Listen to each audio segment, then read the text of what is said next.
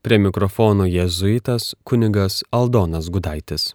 Garbėzui Kristui, mėly Marijos radio klausytojai, Birželio 21 dieną bažnyčia mini šventąjį Aloizą Gonzagą, jauną šventąjį jėzuitą ir šiandien keliomis mintimis apie jo šventumą, apie taip, kaip galėtumėm sekti šventą Aloizo Gonzagą arba ko mokytis iš jo, man labiausiai klausimas būtų, kaip 23 metų jaunas žmogus jau paskelbtas šventuoju, tiek jis metų gyveno. Ir tada aš pats vis galvoju, jeigu jau dvigubą beveik tiek turi metų ir vis dar apie tą šventumą svajoju, kaip čia tapti šventam, Bet tik tai godžia ta mintis, kad žemėje mes šventumo siekiame būdami nusidėjėliai. Ir šventumo siekimas, ta viena iš tokių išlaisvinančių minčių, tai kad žemėje būti šventam, tai nereiškia, kad vaikščioti be nuodėmės arba su ratu virš galvoj,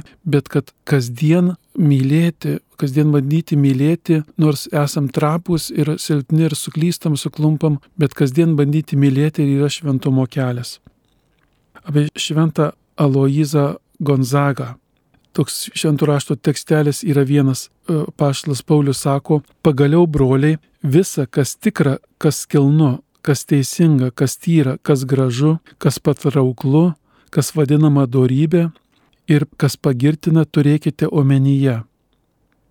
Vargu ar yra šventasis, kuris taip atsidavusiai ir pasiaukojamai laikėsi šio įsakymo ir kartu buvo taip plačiai ir ilgai dėl to niekinamas kaip šventasis Aloizas Gonzaga.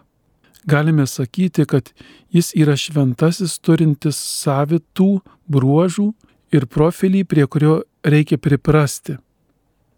Tačiau iš antro žvilgsnio jis atskleidžia nuoširdžią ir jaudinančią meilę Dievui, neturinčią precedentų unikalus šventasis. Apie kiekvieną mes šventąjį galim sakyti unikalus šventasis. Koks tas unikalumas pas Aloizą Gonzagą. Mintimis, kuriamis aš čia dalinuosi apie Aloizą Gonzagą, remiuosi iš tos informacijos, kuri pateikta Bernardinuose, taip pat toksai vokietis Jurgen Masinger yra seminaro darbą parašęs apie Aloizą, jo pavyzdį jaunimui ir popiežiaus Pranciškaus mintys ko mes galim mokytis švento Alaizo Gonzagos. Mano katechezė ir bus remiantis šią informaciją ir šiek tiek pridedant patirties iš ignaciško dvasingumo, nes kaip žinote, Aloizas Gonzaga praėjo formaciją ignaciško dvasingumo, naujokyną atliko, buvo jėzuitas. Ir man pačiam būnant jėzuitu yra suprantama, kuriais momentais Aloizas Gonzaga brendo arba kas jam padėjo bręsti tie, kurie skirs laiko jį pažinti ir mūsų ši katechezė yra tam, kad jūs truputį labiau pažintumėt Eloizą Gonzagą, mes rasime įkvepiantį jame pavyzdį savo dorybingam gyvenimui ir taip pat mylintį draugą bei gynėją Kristuje. Jis iš tiesų yra šventasis, kurį reikia atrasti iš naujo. Kaip autorius Jurgen Masinger sako, šventasis Aloizas žinomas dėl savo didžiųjų dorybių Jis yra krikščioniškojo ir studentiškojo jaunimo globėjas. Jis taip pat yra vėliau popiežių paskelbtas AIDS sergančių globėjų.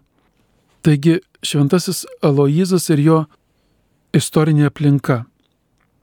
Jis gimęs XVI amžiuje, tai laikotarpis, kai gimė šventasis Aloizas, jis buvo labai įdomus katalikų tikėjimų Italijoje ir Europoje. Tuo metu vyko reformacija ir kontrreformacija, susiskaldimas, bet taip pat prasidėjo katalikų bažnyčios atsigavimas.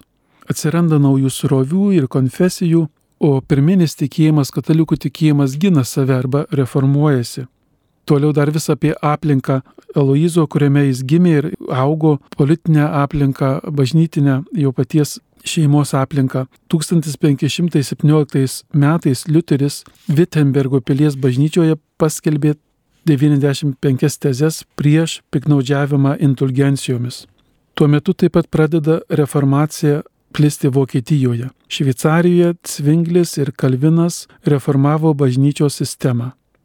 Šventosios Romos imperijos vokiečių tautos imperatorius Karolis V siekia apginti bažnyčią ir 1521 metais pradeda pirmąjį karą su paveldimu priešu Pranciškumi I Prancūzijoje, kuris tęsiasi iki 1544 metų.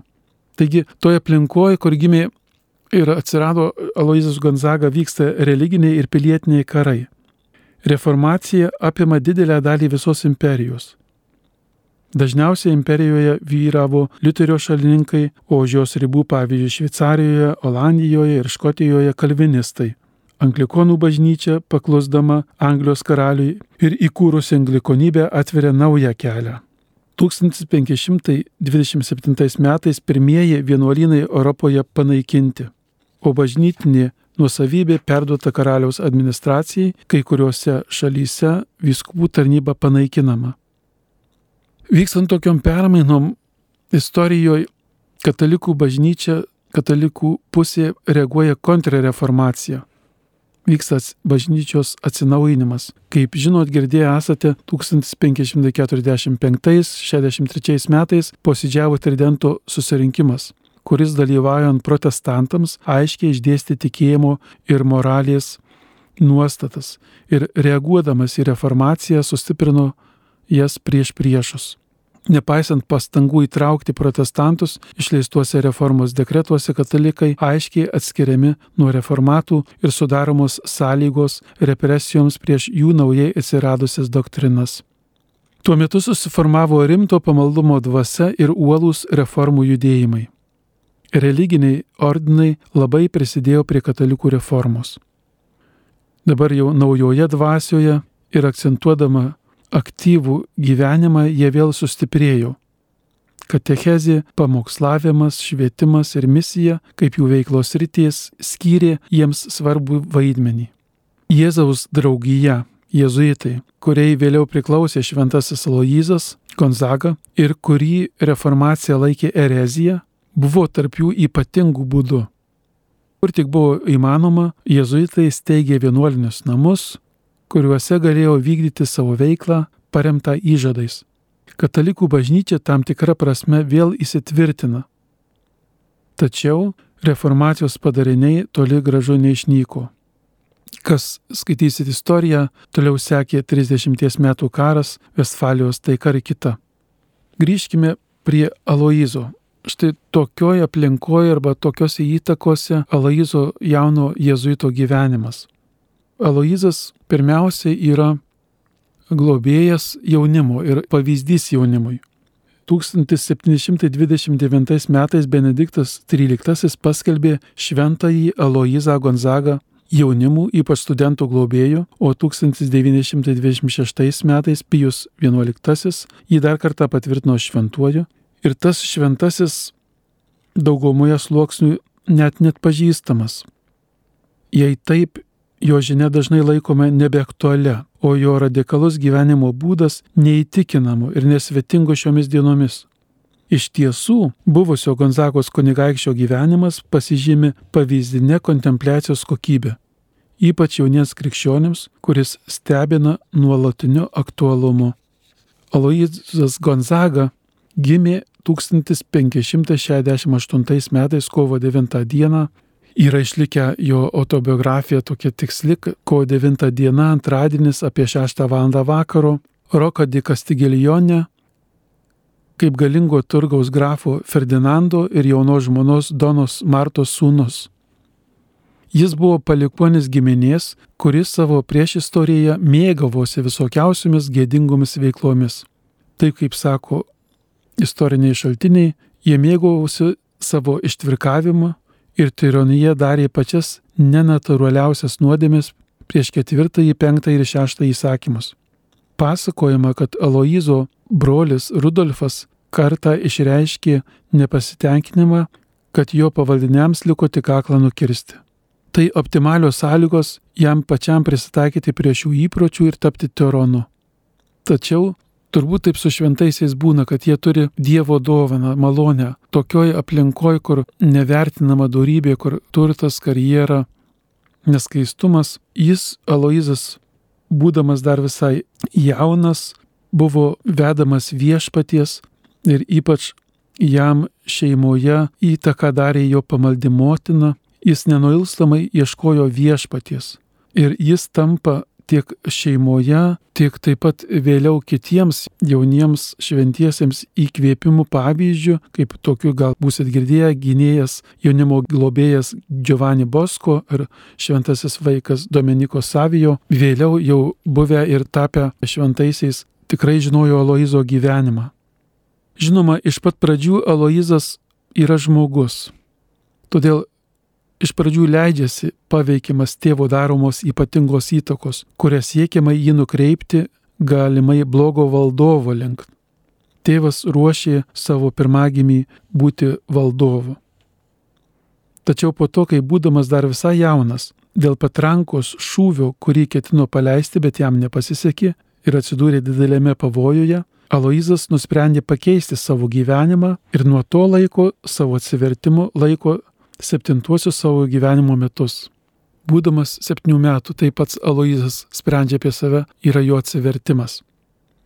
Aloizas save vadindavo arba išaugdavo Luidžis, Aloizas Luidžis. Taip jis vėliau save vadino. Mirė Romoje 1591 metais, birželio 21 dieną. Būdamas vos 23 metų, taigi nuo atsivertimo dienos iki mirties Jis te turėjo maždaug 16 metų savo šventumą įtvirtinti ir puoselėti. Nors jis buvo kilęs iš tam nepalankios aplinkos, kurioje jam buvo keliami kitokie lūkesčiai, ir nors jo gyvenimo darbai nebuvo skirta tiek laiko, kiek kitiems, jis sugebėjo tapti neprilykstamu nuolankumo, tyrumo ir meilės Dievui pavyzdžių. Aloizas turėjo daug ir greitai duoti jis turėjo duoti jau jaunystėje ir dar labai apgalvotai. Aloizas tai jaunystės žmogus. Tačiau jaunimui jis įdomus ne tik dėl savo darbų, būtinai atliktų jauname amžiuje, dėl jo paties ir kitų. Visų pirma, jo pavyzdys jiems parodo, kaip įmanoma anksti pradėti gyvenimą arti Dievo. Taip pat tokio gyvenimo svarbą neiškios mirties akivaizdoje. Vienas iš garsiausių Aloizo posakių yra klausimas tapęs jo gyvenimo šūkiu. Kokia man nauda iš to amžinybei? Tai, ką aš darau, tai, ką aš skaitau, ką veikiu, ką melžiuosi, kuo noriu būti, kokia tai man nauda dėl amžinybės. Nėra geresnio ir taiklesnio būdo apibendrinti jo išganingąją egzistenciją šiame trumpame žodyje - amžinybė. Jau telpa jo galutinis tikslas ir visas jo siekis.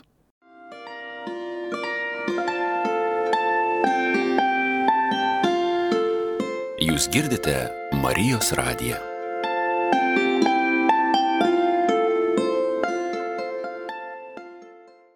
Viskas, ko jaunasis Luidžis trokšta nuo pat savo atsivertimo, yra pasiekti amžinybę su Dievu, daryti viską, kas padėtų tai pasiekti ir kartu vengti visko, kas jam trukdytų.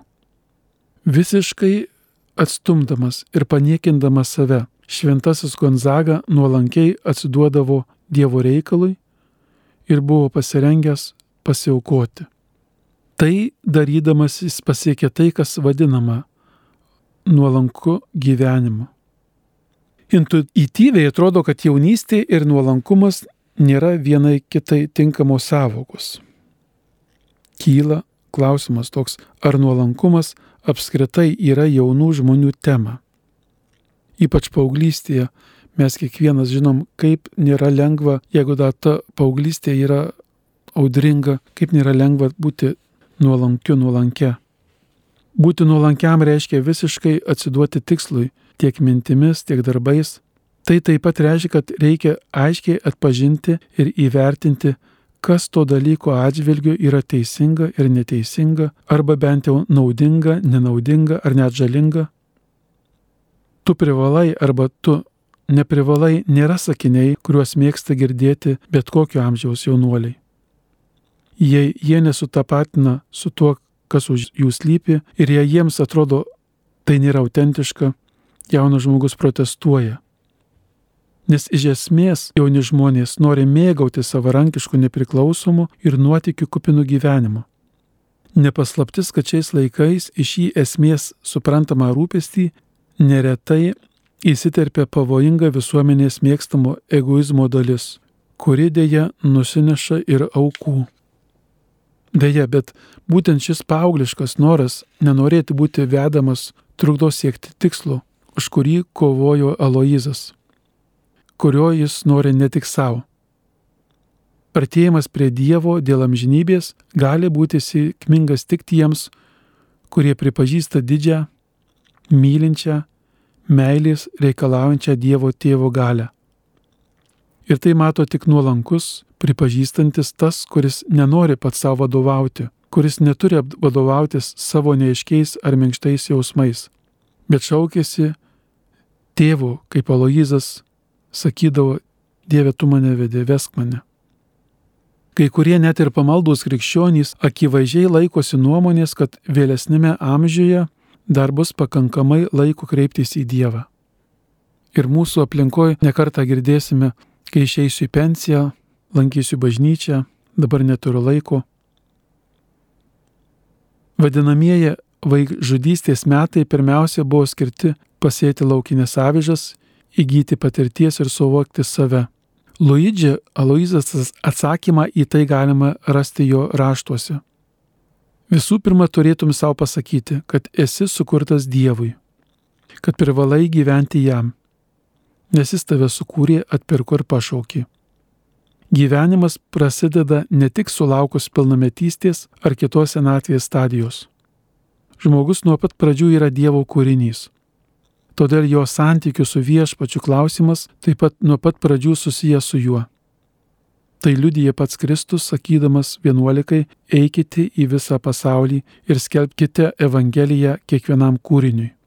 Dievo artumas ir nuolankumas rūpi visiems, net ir jaunuoliams.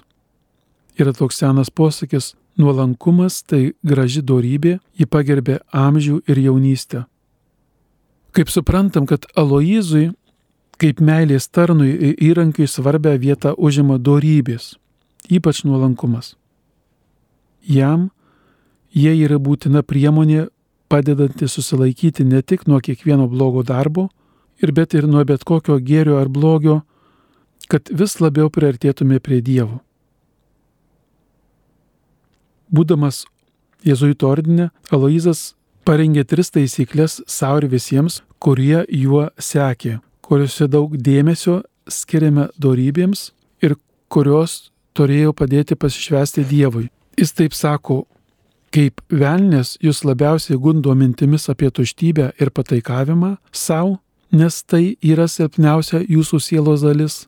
Taip priešingai turite skirti didžiausią ir nuolatinį dėmesį tam, kad šias pagundas atremtumėte nuolankumu ir išoriniu bei vidiniu apsimarinimu savo. Kad nuolankumo siekis būtų pažangus, Aloizas prideda dar du nurodymus. Pirmąją priemonę sudaro mintis, kad nors ši darybė dėl savo menkumo labiausiai priklauso žmogui, vis dėlto ji neauga mūsų laukia, bet jos reikia prašyti iš dangaus.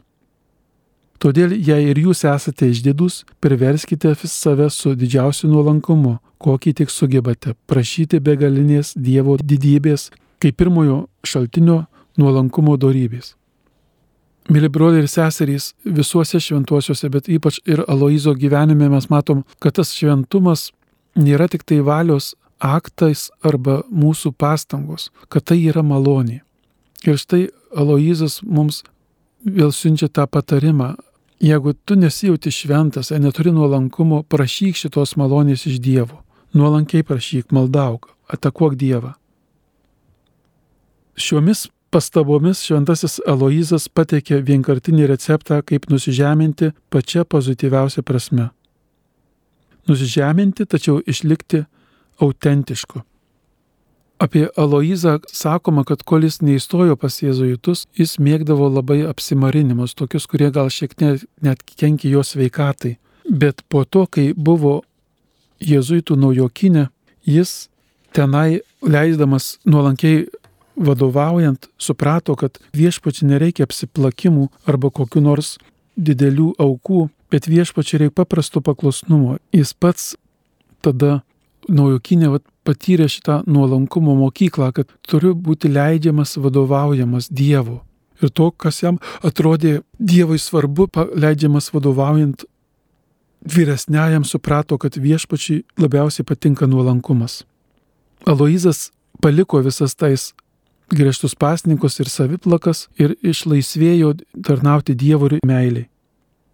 Po naujokino Romoje Aloizas tęsė Madride pradėtas filosofijos studijas, o 1587 metais davęs pirmuosius įžadus pradėjo studijuoti teologiją. 1589 metais rudenį jam teko išvykti į Kastiljonę ir pabūti tarpininku tėvui mirus. Brolio Rudolfo pulkas pradėjo aršų kivirčą dėl palikimo su Mantojos Konzagų šeima. Aloizai pavyko per trumpą laiką sutaikyti ginčininkus ir 1590 pavasarį jis sugrįžo į Romą. Kita met Italiją užklupo badas ir maras. Ir Aloizas, netausodamas savęs, stojo slaugyti ligonių. Čia mes sužinom informaciją, kodėl taip jaunas mirė Aloizas. Jis prašydavo išmaldos vargšams ir pas prižiūrėjo ligonius. Jis pats prašėsi, kad jį leistų slaugyti marus sergančiuosius, tačiau tuometinė jėzuitų vadovybė saugojo jaunus jėzuitus, neleido jiems eiti prie sergančiųjų, nes daugelis jėzuitų ir ne tik jėzuitų, kurie slaukydavo maro apkrėstuosius, patys apsikrėsdavo ir mirdavo. Tuo metu Aloiza palydėjo toksai Robertas Belarminas, jėzuitas, kuris vėliau taip pat buvo šventuoju paskelbtas.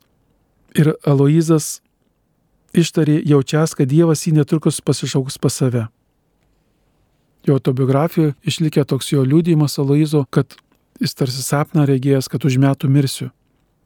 Kadangi epidemija nusinešė daug jaunų jezutų gyvybių, kaip jau sakiau, Aloizui draustas slaugyti marus sergančiuosius, bet leisti talkinti ligoninėje, kur gydyti užkrečiamus lygomis nesergantis ligoniai. Tačiau vienas Aloizo slaugomas vyras buvo sikrėtęs maru, tad netrukus lyga pakirto Aloizą, jos sveikata trumpam atsistatė, bet 1591 metais, birželio 21 dieną, būdamas vos 23 metų, jis mirė. Jo palaikai ilsis iš Švento Ignaso bažnyčioje Romoje. Popiežius Pranciškus, kaip prisimindamas Aloizą Gonzagą, sako apie Aloizą taip, kad tai žavintis evangelinio asketiškumo ir tyrumo pavyzdys. Taip pat, kaip jau minėjau, Aloizas jaunimo ir studentų globėjas ir buvo labai prašoma, kai ta nauja lyga atsirado pasaulyje, AIDS lyga, kuris tas šventasis galėtų būti skiriamas jų globėjo ir būtent Aloizas Gonzaga, kuris rūpinosi žmonėmis sergančiais užkrečiamis lygomis buvo paskirtas e, globėjų ir AIDS ligonių. Yra tokia malda į šventą Aloizą. Šventasis Aloizai, kuris visą gyvenimą baltų žiedų žydėjai, kuris tyrų oro alsavai, kuris didžiu vidiniu džiaugsmu spindėjai, kuris saulės šviesoje augai, žydėjai ir vaisių nešiai, padėk mums iš aukštybių, padėk mums ieškotojams surasti vidinį gyvenimą, palydėkime mus visus kamžinybės. Tiek šios dienos katechezei apie šventąjį Aloizą Gonzagą. Tikiuosi, kad tie, kurie klausote, šis pasakojimas arba mintys apie šventąjį Aloizą Gonzagą padės iš naujo trokšti šventumo. Kartą popiežius Pranciškus yra pasakęs, mes turim išsivaduoti iš tokių iliuzinių šventumo įvaizdžių. Šventasis tai tas, kuris myli Dievą, myli artimą. Ir tas, kuris gavęs Dievo malonės nemeta jų veltui. Ir mūsų šventumo kelias, melžintis į šventąjį Eloizą Gonzagą, tai nebūna kalties jausmo prislėgtas ar troškimas kuo daugiau nuveikti gerų darbų, kurie yra iš tikrųjų pirmiausia atsiliepimas Dievo meiliai, o ne dėl to Dievo esame mylimi, kad gerus darbus darom. Šventumas pagal viešpaties valią yra mylėti artimą ir ne vien tik tai iš savo pastangų, bet iš Dievo malonės, kiekviename žmoguje matyti Dievo atvaizdą.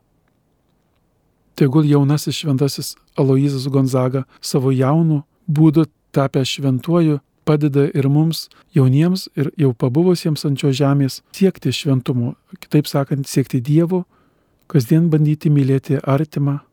Amen. Su jumis savo mintimis šiandien dalyjosi kunigas jėzuitas Aldonas Gudaitis. Likite su Marijos radiju.